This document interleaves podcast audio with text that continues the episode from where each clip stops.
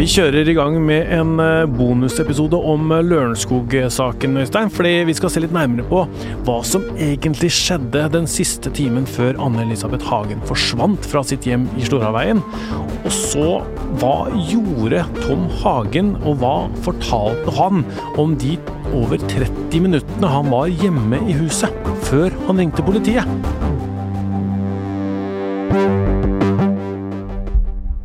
Og Øystein, Eh, klarer vi å fortelle nå ganske nøyaktig hva vi veit, hva som skjedde med Anne-Elisabeth den siste timen før hun forsvant?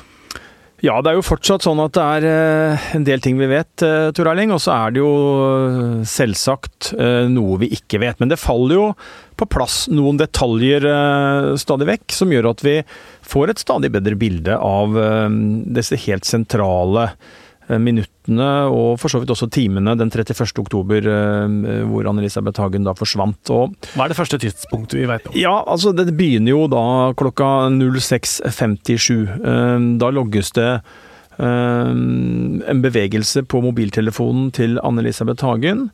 Og et minutt senere, et minutt senere så slår skrittelleren inn. Man kan ikke si om hun står opp eller ikke. Eh, men man ser at det er bevegelse, og det tyder på at hun er våken. Mm. Og så um, ligger telefonen i ro den det neste ja, rundt halvannen timene, fram til klokka da blir litt over halv ni. Og så er det sånn at det dukka opp en, en, et nytt moment klokka 7.56. For da viser det seg at et kamera som er på andre sida av Langvannet, har fanga opp eh, en bil, et rødt lys, på denne gangveien forbi eh, som går opp mot huset til ekteparet Hagen. Politiet mener det kan være en, eh, en bil, og dette lyset, røde lyset beveger seg ikke. Og man tror da at det er en bil som sagt som har beveget seg inn i retning av huset. Men så forsvinner denne bilen tilsynelatende bort. Og det som er viktig å si, og de som har sett disse bildene, uh, ser jo at dette er jo uh, veldig vanskelig. Ja, det er ikke lett å se. Nei, det er uh, knapt nok mulig å se. og Politiet måtte jo rekonstruere disse på gangveien med dette kameraet for helt tatt finne ut av om det faktisk var en bil. Men har altså funnet ut at det var en bil. Men man vet jo da fortsatt ikke hvem som kjørte denne bilen, og hvorfor den var utenfor huset, eller ikke utenfor, men i nærheten av huset ekteparet Hagen da klokka 7.56. Så eh, har jo Tom Hagen stilt opp i flere intervjuer eh, hos NRK. Eh, og der har han sagt at han sto opp klokka 8.15. Det er sånn at eh, ekteparet Hagen eh, har flere soverom. De har et felles soverom, og de har eh, hvert sitt soverom. Og de sover som regel hver for seg, har Hagen forklart i avhør. Og dermed så eh, kan vi jo ikke si om hva Anne-Elisabeth gjorde, fram til Tom Hagen da sier at han står opp. Men vi vet at Tom Hagen sier at han var litt forsinka denne dagen fordi de hadde vært på teater kvelden før. Mm. Så forskjøv han sine daglige, ganske faste rutiner, som i korthet går ut på at han står opp rundt klokka sju, Uh, tar morgenstellet, lager seg uh, litt kaffe og henter avisen. Uh, Anne-Elisabeth pleier å lufte hund, han spiser litt, og så drar han på jobb. det er liksom veldig standard morgenrutiner, sier Tom Hagen. Men denne dagen så, så var han litt forsinka, men han sto da opp klokka 8.15, uh, henta seg avisa, drakk to kopper kaffe. leste avisa og, og spiste litt, og så, og så dro han da etter hvert eh, på jobb. Men før det skjedde, så ringte en ansatt eh, hos nettopp Tom Hagen til Anne-Elisabeth. Det er klokka 8.44. Og da svarte ikke fru Hagen, men hun var på tråden tilbake igjen bare et minutt senere, klokka 8.45. Hvorfor er det en ansatt hos han som ringer til henne? Jo, altså Anne-Elisabeth Hagen hadde jo noen arbeidsoppgaver eh, hos eh, Tom Hagen. Og, og Tom, dette Tom Hagen Eiendom, som firmaet heter, er et lite firma med bare noen få ansatte. Og eh, de var en, eh, på et vis en sammensveisa gjeng. Det var sånn at Anne-Elisabeth Hagen kunne dukke opp med lunsj eh, til de ansatte osv. oppe i Futurum næringspark. Så, så alle som jobba eller jobber hos, hos, Tom Hagen, kjenner henne godt. Også da denne ansatte som ringte henne klokka 8.44. Hun svarte ikke. Men, men hun ringte da tilbake igjen klokka 8.45. Og, og, da snakka de, de, to sammen i, i ca. 10-11 minutter. Ehm, og det som var et tema, har den ansatte forklart, uh, var bl.a. lønn og, og timelister. Uh, som uh, Anne-Elisabeth Hagen og hun hadde som et naturlig tema. Mm. Og så um, forteller da Anne-Elisabeth Hagen at, at, hun og ektemannen muligens skal til Kvitfjell samme dag. og den ansatte har forklart i avhør at hun oppfatter det som om Tom Hagen er i bakgrunnen når eh, telefonsamtalen pågår. Uh, noe som jo da stemmer med uh, de øvrige bevisene. Så er det en ny observasjon som politiet finner svært interessant, som skjer klokka 08.56. Da skal vi tilbake igjen til dette kameraet, som er på andre sida av Langvannet, og som dekker Eh, selv om det sitter langt unna og egentlig har fokus på det som skjer i nærområdet, så fanger det opp deler av denne gangveien som slynger seg opp mot ekteparets hus. Og da er det nok en gang en, en bil på, dette, på, denne gangveien. Uh, det er et hvitaktig lys. Og som, som, da beveger seg i retning huset. Uh, Politiet vet fortsatt ikke hva slags bil de leter etter, hvem som kjørte den, eller om det var én eller flere i bilen, og ingen har meldt seg etter at politiet etterlyste denne bilen. Eh, den har vært framme før, men nå i høst så etterlyste man den jo eh, på bred front.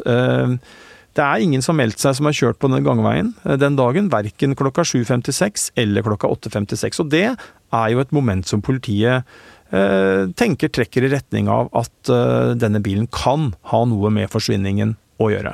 Og vi vet jo også at forsvareren til Tom Hagen er veldig opptatt av denne bilen. Eh, han har jo argumentert med at den, begge disse bilobservasjonene kan ha med forsvinningen å gjøre, mm. og at det kan være kidnappere, som jo familien mener at denne saken handler om. Og at man Eh, kanskje da f.eks. 7.56 er på plass, men oppdager at Tom Hagen er hjemme, drar sin vei og kommer tilbake igjen 8.56. Eh, og da er fortsatt Tom Hagen hjemme, men da er det ikke så veldig lenge før han drar på jobb. For det skjer nemlig rundt klokka ni, eller noe over ni. Uh, og Vi har ikke det eksakte tidspunktet der, men vi vet at uh, Hagen parkerer på Futurum, næringsparken. Det har jo et kamera fanga opp, og det skjer mellom klokka ti over ni, kvart over ni. Mm. Uh, og så er kjøreturen på en sju-åtte minutter i normale, når det er normale trafikkforhold.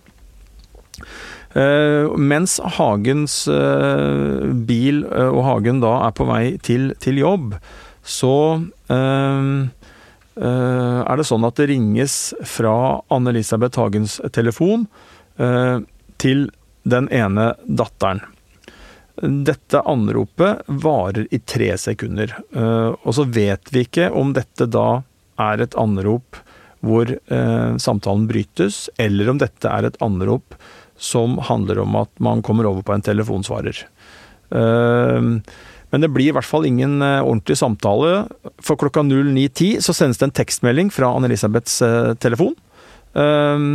Og der eh, forteller Anne-Elisabeth eh, Hagen kort om, om, dette teaterstykket hun og mannen var på med et vennepar kvelden i forveien. Og hun eh, tar opp dette med en Kvitfjelltur. Eh, tekstmeldingen lyder som følger. Hei NN, det er da navnet på datteren. Var fint teater i går. Hyggelig å møte NN, som da er venn av Hagen-paret, og kona. Vi skal visst ikke dra før i morgen tidlig, antagelig og et møte Lillehammer ca. klokka 11. Da kan jeg jo være barnepike i kveld natt. Uh, noen skrivefeil der, men det leser Sånn er det jo når du sender en melding. Riktig, så jeg mm. leste det nå ordrett opp. Mm. Uh, så den tikker da inn, uh, eller ut av telefonen hennes klokka 09.10. Og så er det, det er sånn, du, du, ringer, ikke sant, og så får du ikke svar, og så sender du en melding isteden? Sånn kan det se ut. Ja. Uh, og så er det da det neste som skjer, som jo er et uh, en, en, hendelse som det har vært mye fokus på, som er det siste sikre livstegnet, slik politiet ser det, det er jo da at Anne-Elisabeth Hagen ringer til sønnen klokka 09.14. Og da snakker de i 92 sekunder sammen. Og temaet skal da ha vært lønn, som jo da henger sammen med denne samtalen tidligere på morgenen med denne ansatte på, i Tom Hagen Eiendom. Og dette med barnevakt og halloween, for det er jo mm. det denne dagen. Dette er jo da sønnen som har forklart det. Og så avsluttes da den samtalen ca. klokka 09.16. Og det er omtrent samtidig som bilen til Tom Hagen ankommer arbeidsplassen hans på Futurum næringspark, som vi var innom. Det er rundt klokka 09.15. Vi har ikke eksakt tidspunkt, men i det to-tre minutters slack der, så, så, parkerer han og går inn på øh, på øh, jobben. Politiet har jo granska disse bildene, selvfølgelig. De er nok uskarpe, men politiet legger til grunn at det er Tom Hagen som kjører bilen. Og det er jo et viktig poeng for Svein Holden, for han har argumentert med at Tom Hagen er jo da fremme på jobb, mens Anne-Elisabeth Hagen fortsatt beviselig, sånn han ser det, er i live. Mm. Uh, og da har man på en måte, som forsvareren ser det, noen sikre holdepunkter. Så skjer det ikke noe eh, på, en, på, en, halvtime ut fra det vi vet nå. Men klokka 09.48 så ringer en eh, mann som heter Tommy Skansen. Han har vokst opp i nabohuset, kjenner ekteparet veldig godt. eh, og er elektriker. Uh, og han skal gjøre en jobb for Anne-Elisabeth, og han er da ute for å handle inn bl.a. noe utstyr som trengs, og ringer henne for å høre om hun er hjemme. Men hun svarer ikke. Ringer heller ikke opp igjen. Eh, og Så går det bare to minutter, og da ringer eh, sønnen eh, tilbake igjen til, til moren sin. Heller ikke han får svar, men han følger opp den samtalen, eller forsøket på en samtale, med en tekstmelding. Og så er det igjen stille noen minutter, etter et kvarter. 10.06 og 10.07 så forsøker Tom Hagen å ringe kona si fra jobb. Får heller ikke svar. Og så vet vi da at det er registrert bevegelse, sannsynligvis, på telefonen til Anne-Elisabeth Hagen klokka 10.07. Men det er den siste, siste ja, siste bevegelsen man har. Etter det så ser det ut som telefonen ligger i ro frem til Tom Hagen kommer hjem. Så da har man et tidsrom mellom 09.16 eh, til 10.07, da, eh, der man ikke helt eh, vet hva som har skjedd, og noe må ha skjedd med henne. Ja, det er det tidsrommet politiet uh, har mest fokus på, og holder det som mest sannsynlig at noe veldig alvorlig har skjedd med Anne-Elisabeth Hagen. Uh, og det er jo flere uh, henvendelser uh, til telefonen hennes utover dagen som ikke besvares. 10.48 så sendes, sender en av døtrene en tekstmelding. Den blir aldri lest. Tom Hagen ringer igjen klokka 11.13, 11.14, 11.17, får ikke svar. Etter klokka tolv forklarer vitner på, på, arbeidsplassen hans at han fremstår som bekymra, at han sier han ikke får tak i kona si. Eh, klokka 12.33 så ringer en av døtrene til Anne-Elisabeth igjen. Det er ikke svar. 13.06, 13.08 og 13.18. Tom Hagen ringer igjen, får ikke svar. Um, fortsatt uh, selvfølgelig bekymra. Uh, klokka 13.19 så, så, ringer uh, Tom Hagen til sønnen. Han sier han ikke får tak i Anne-Elisabeth, og at han vil dra hjem for å, for å se han, uh, hva som har skjedd. Um, så ringer sønnen klokka 13.21. Da forsøker han å ringe moren. Heller ikke da svar. Uh, og når klokka blir rundt halv to, så uh, reiser Tom Hagen hjem fra jobb og til Sloraveien for å se hva som har tilstøtt henne. Mm. Hva tror politiet har skjedd med henne? da? Politiet tror jo at hun er drept hjemme i huset. Uh, ut fra sporene på åstedet så tror man at det mest sannsynlig er snakk om en, uh, at hun er kvalt. Hvorfor det? Det er fordi at det blant annet altså Hvis man tenker seg at det skulle være brukt skytevåpen, stikkvåpen og for så vidt også slagvåpen, så mm, ville det vært et annet åsted. Det ville vært mer blodspor, sannsynligvis.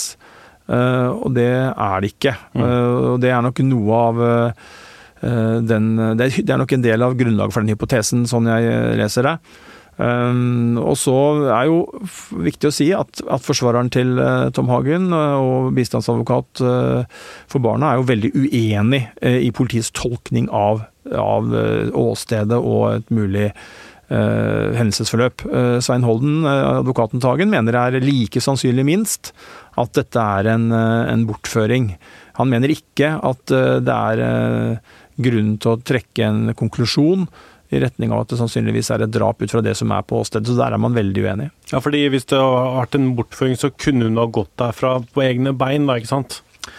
Ja, altså han, Holden mener at de sporene som er på åstedet, som politiet tolker i retning av et drap, de mener han eh, ikke kan eh, tolkes på samme måte. Han, eh, han mener at hun kan ha blitt tatt ut av Sloraveien i livet.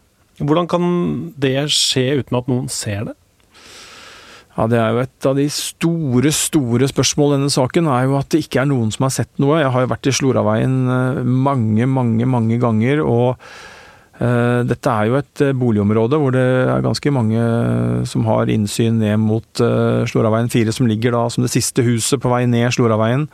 eh, før eh, Sloraveien går over til en gangvei. Eh, Det er boligblokker på den ene eh, sida, og det er bolighus. eh, Og det er, en del, eh, det er jo en del fotgjengere, eh, syklister, Mm. eh, som vi har vært inne på før. Dette er jo en del av en eh, veldig populær turrute rundt Langvannet. Så må du faktisk gå rett forbi porten til eh, Hagenhuset. Det eneste stedet som du kan kanskje komme litt usett, det er jo ned mot vannet, da. ikke sant? Det er noe kratt der og ned mot denne eh, stien, da. Ja da, men du må fortsatt opp på denne gangveien. eh, ikke sant? Det må stå en bil på gangveien. Du må, så det er to muligheter. Det ene er at du tar, henne har tatt henne ut eh, med en bil foran hus, huset. Det, er altså, alle har, nesten alle har vel sett dette inngangspartiet Mm. med den stenlagte gårdsplassen, garasjen og inngangsdøra. ikke sant? Da må man ha parkert der og tatt henne ut av døra.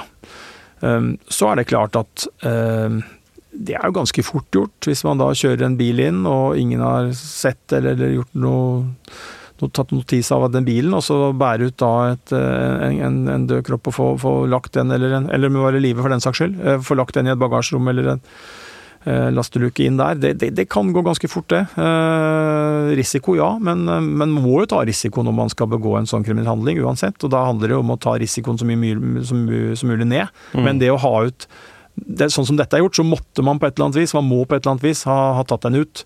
Andre muligheten er, som du sier, Tor Erling, å gå bakveien ned mot Langvannet. Da beveger man seg i et ganske øh, Ja, sett med en eh, kriminells øyne, så er man jo da litt i skjul, og man kan komme usett ganske langt, men man må jo da opp fra vannkanten. For det, altså det er et gjerde går jo, altså Hageneiendommen har et gjerde rundt hele eiendommen, men det går ikke helt ned til vannet. Eh, og dermed så kan man jo eh, bære en, kropp gjennom hagen, ned inn i dette kall skog, og rundt gjerdet på nedsida av det, eller eventuelt løfte over gjerdet. Men så må man da opp til en bil som må parkere på eh, gangveien. Og det er klart, det er en risiko, det også. Men- og ikke så lett heller, det, og det å bære en, en død kropp eh, hele den veien der, er ikke lett, altså. Nei, og da snakker vi ikke om at det er én person. Det syns jeg er helt usannsynlig. En, eh, en, eh, en, en død kropp på pluss-minus 70 kilo, det, det, som er slapp, eh, eller om hun er i live, så vil det jo være kanskje enda vanskeligere. Mm. Så, så Ja. Men Jeg vet ikke politi, om politiet har noe grunnlag for å tro det ene eller andre der, men det er jo de mest sannsynlige variantene er jo eh, enten via hoveddøra på forsida av huset, eller rundt via hagen og inn da i en ventende bil som eh, som jo kan ha stått i dette området hvor vi snakka om disse to bilobservasjonene. Det er jo, det er jo akkurat den strekningen der som dekkes av, eh, av det kameraet. Og så er det da eh, klokka ca. klokka halv to, da, så drar Tom Hagen hjem. Eh, og, og, for Han sier at han er bekymra for Anne-Elisabeth, som vi har hørt. Han har prøvd å ringe mange mange ganger. Hva er det han møter når han kommer hjem? Ja, det er litt spesielt, eh, for å si det forsiktig, for det som da ligger på eh, trappa øh, øh, Liksom litt på tvers eller diagonalt. Øh, det er en, en, en ja, Det heter jo et bak, bakhom. Det er ikke så mange som veit hva det er. Bakom. Ja, Men det er altså en del av en uh, tømmerstokk. Uh, uh, og denne biten ligger da Altså Det er planken som er ytterst på stokken, Ja, så du, du- har liksom barken. Ja, sant? hvis du skjærer av en bit av en, en tømmerstokk, så får du jo en sånn eh, får du en, eh, en, sånn halv, en rund sånn med bark på, og så får du en rett side. Og det blir jo på en måte en sånn tynn flik av eh, ytterst på en tømmerstokk, da, som er skåret av, ikke sant. Og det gjerdet som er rundt huset, er jo av bakom med. Det er riktig. Mm. Uh, og jeg vet ikke om det er en bit av gjerdet, uh, men det ligger i hvert fall på trappa. Og det er jo veldig rart. Uh, og Tom Hagen sier jo nå eh, i et av sine intervjuer at han eh, skjønte eh, allerede da at noe var galt. Det han har tenkt, eh, og tenker da, er at eh, kona har fått et hjerteinfarkt, eller noe sånt. Det var det han tenkte. Så går han jo da inn i, i huset, og han kommer jo til Sloraveien, vi har ikke det eksakte tidspunktet, men han kommer jo til Sloraveien da pluss minus 13.35. Eh, klokka 13.39 så, så ringer en av døtrene til, til moren sin, men får ikke svar. Eh, og så ringer da den samme datteren eh, fasttelefon i huset, og det skjer klokka 13.40. Og da får hun svar. Tom Hagen tar telefonen. Mm. Uh, og datteren spør uh, faren om han vet hvor moren er. Uh, Tom Hagen sier nei, eh, og stiller det samme spørsmålet i retur. Eh, han sier ikke så mye da om at han er bekymra. han sier ikke noe om eh, hvordan det ser ut i boligen, eller, eller noe om trusselbrevet, for det har han jo etter egen forklaring heller ikke da funnet enda. Eh, politiet mener at dette er mistenkelig, eh, mens Tom Hagen sier jo at han hadde akkurat kommet inn døra og hadde ikke oversikt over hva som var situasjonen i huset, og at det var grunnen til at ikke han eh, hadde så mye mer å si enn det, det han sa. Eh, og så begynner jo han da å gå gjennom eh, eneboligen på jakt etter eh, kona. Han, han eh, går gjennom annen etasje, han går gjennom eh, kjelleren, og han finner henne ikke. Han går ut i garasjen. Han finner ikke noe der. Og så går han inn igjen, og, da først så ser han at på en rød stol, litt slitt stol, så ligger det en konvolutt. Det har han sagt til NRK. Mm. Der ligger da uh, dette trusselbrevet. Uh, uh, før han har gjort det, så går han inn på et lite bad som ligger i gangen rett innafor inngangsdøra i Sloraveien. Og der ser han et, et håndkle, og han ser konas klær. Uh, og han forstår at noe alvorlig har skjedd inne på dette badet. Eh, gangen og badet regnes jo av politiet som det helt sentrale åstedet. Og det skyldes bl.a. at han har funnet noe som man betegner som en slags slepespor. Mm. Uh, og så tar jo da uh, Hagen uh, fram dette brevet, sier han, eh, og begynner å lese på det. Og den første setningen er Har din kona Anne Elisabeth, om du vil se henne igjen, du vil lese og følge instruksjoner perfekt. Ja, dette brevet, hva, hvordan ser det ut? Hvordan er det? Hva står der? Ja, Det er fem A4-sider, eh, veldig langt brev, og det er da skrevet på det du kan kalle en slags gebrokkent norsk i store bokstaver eh, på en PC. Eh, Og der står det jo eh, at eh, normal reaksjon vil være å ringe politi, så dem kan hjelpe finne henne. Om du involverer politi og media, du putter press på oss, for mye press på oss, vi velger frihet foran penger. Vi tar ned risiko ved Vi tar ned risiko ved drepe og kvittes med kropp til Anne-Elisabeth og forsvinne. Kanskje du tror du kan involvere politi hemmelig, for hjelp, finne henne uten press på oss. Mm. Eh, og så sier jo da, eh, skrives det videre, dårlig, dårlig idé. Vi har hold øye på deg. Anne-Elisabeth, så er det noe vi har strøket. Og mere familie i lang tid. Og vi fortsatt holder øye på deg. Politiet er dårlig, være diskré, spesiell når de leter efter person. Og her brukes ordet efter. Mm. De bruker helikopter og hund, vi ser. Og så kommer det en setning som jeg syns er litt rar, og det er eh, For da har det vært veldig mye trusler om at hvis du kobler inn noen, så blir hun drept. Men så kommer det Om du følger instruksjon, når du får din kona tilbake, du kan så klart kontakte politi.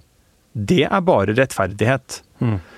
Um, og det syns jeg er litt pussig, for jeg tenker jo at uh, hvis denne operasjonen hadde vært gjennomført og Anne-Elisabeth var tilbake igjen og, og, pengene var betalt, så ville jeg jo fortsatt uh, synes det er naturlig at en kidnapper eller kidnappere ville sagt at uh, uh, hvis vi merker at du kobler inn politiet, så kommer det en ny handling. Mm. Det blir konsekvenser av det. Vi ønsker ikke under noen omstendighet å bli jakta på, men men sånn fremstår det ikke her. Da vil det bare være rettferdig om, om det innledes en jakt på de som har gjort det.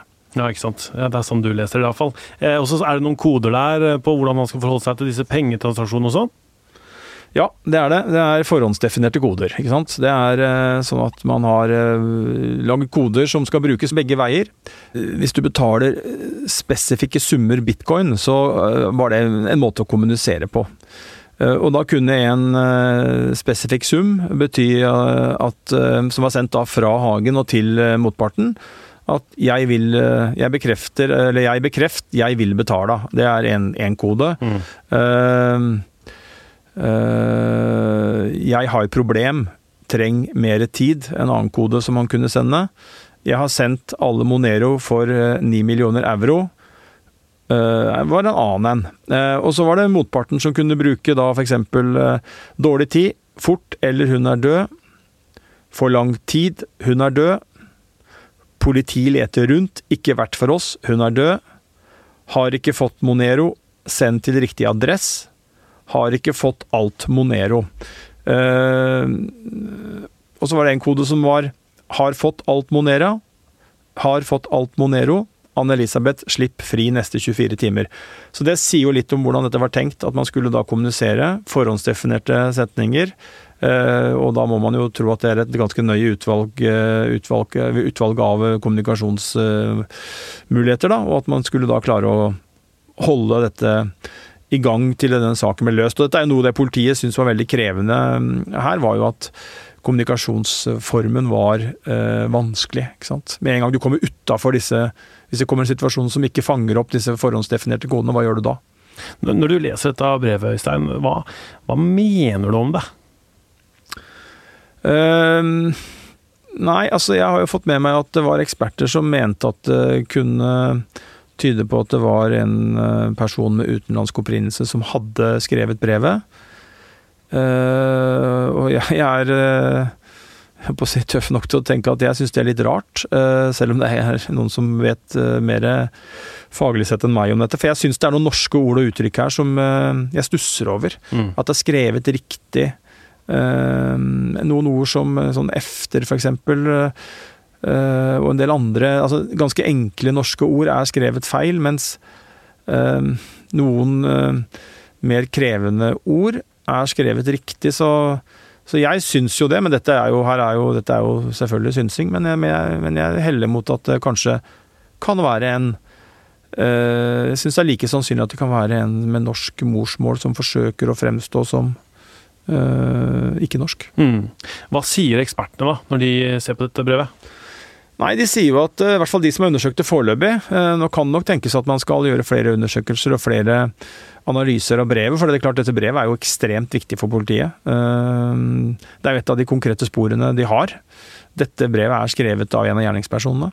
Så, men ekspertene foreløpig har som sagt ment at det sannsynligvis ikke er en med norsk morsmål som, som har skrevet det. men men det er klart det er jo vanskelig å ha noen sikker oppfatning rundt det, for her er det jo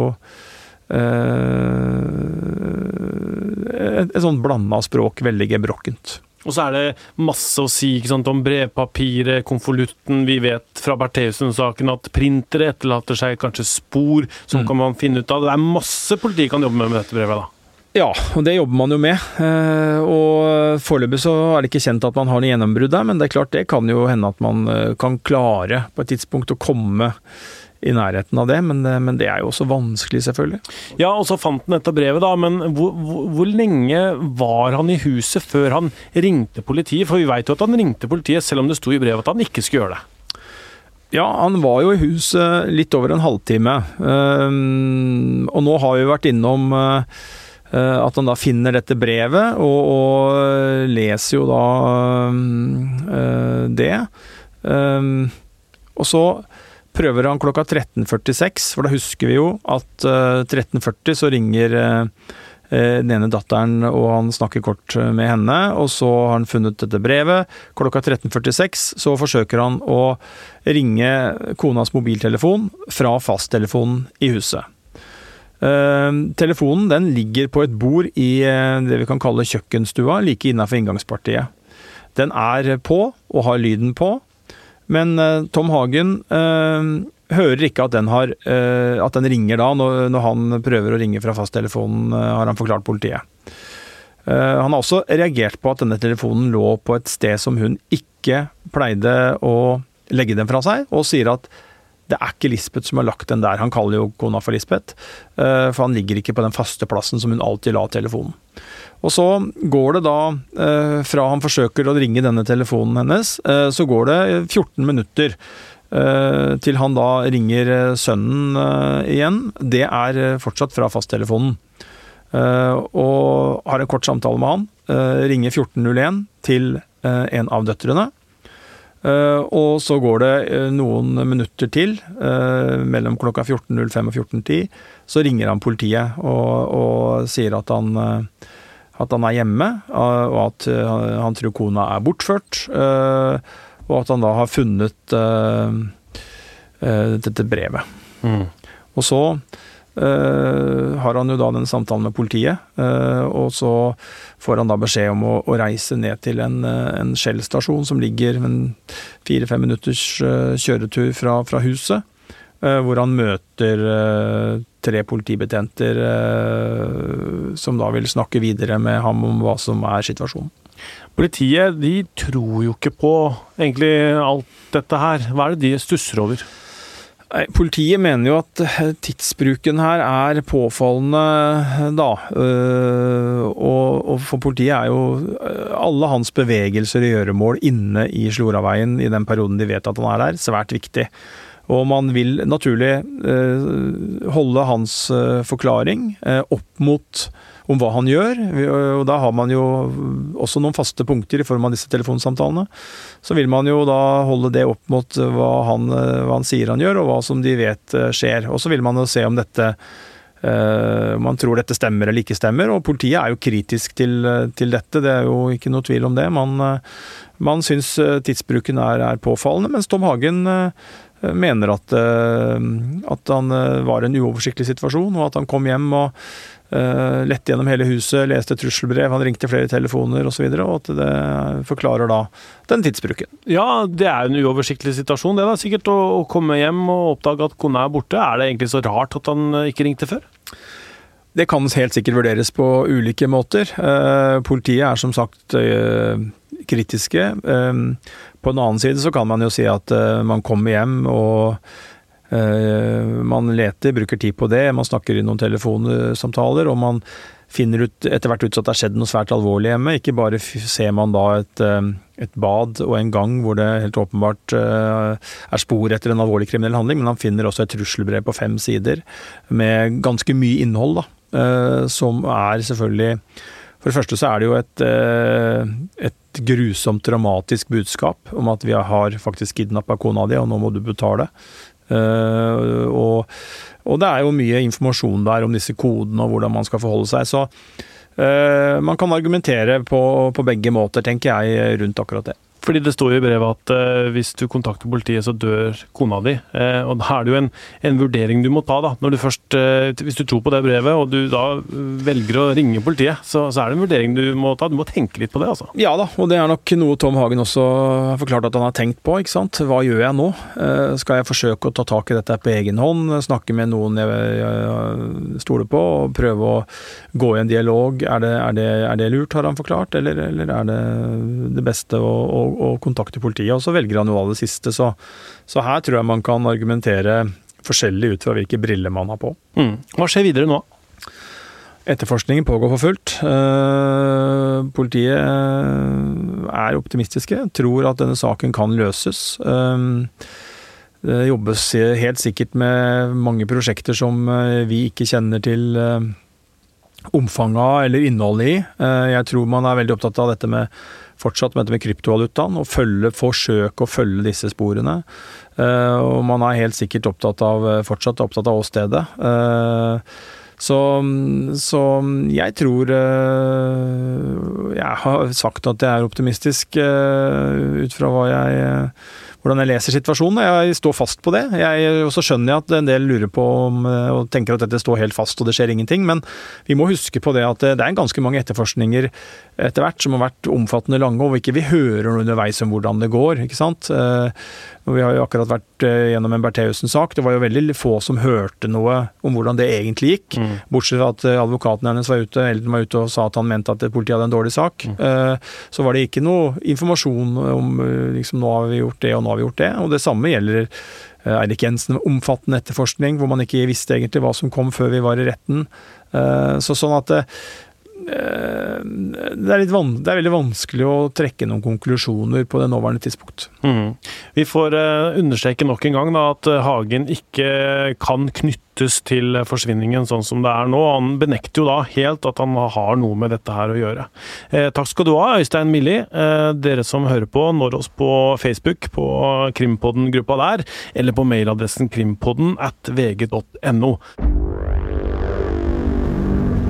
Og så er det jo sånn at vi har en julespesial eh, gående som kommer ut hver torsdag. Det er en litt annerledes eh, krimsak, men ting er jo litt annerledes da, nå som det er eh, jul. Så hør på den. Jeg heter Tor Erling Tømt Ruud, produsent er Vilde Worren, og Magne Antonsen er teknisk produsent.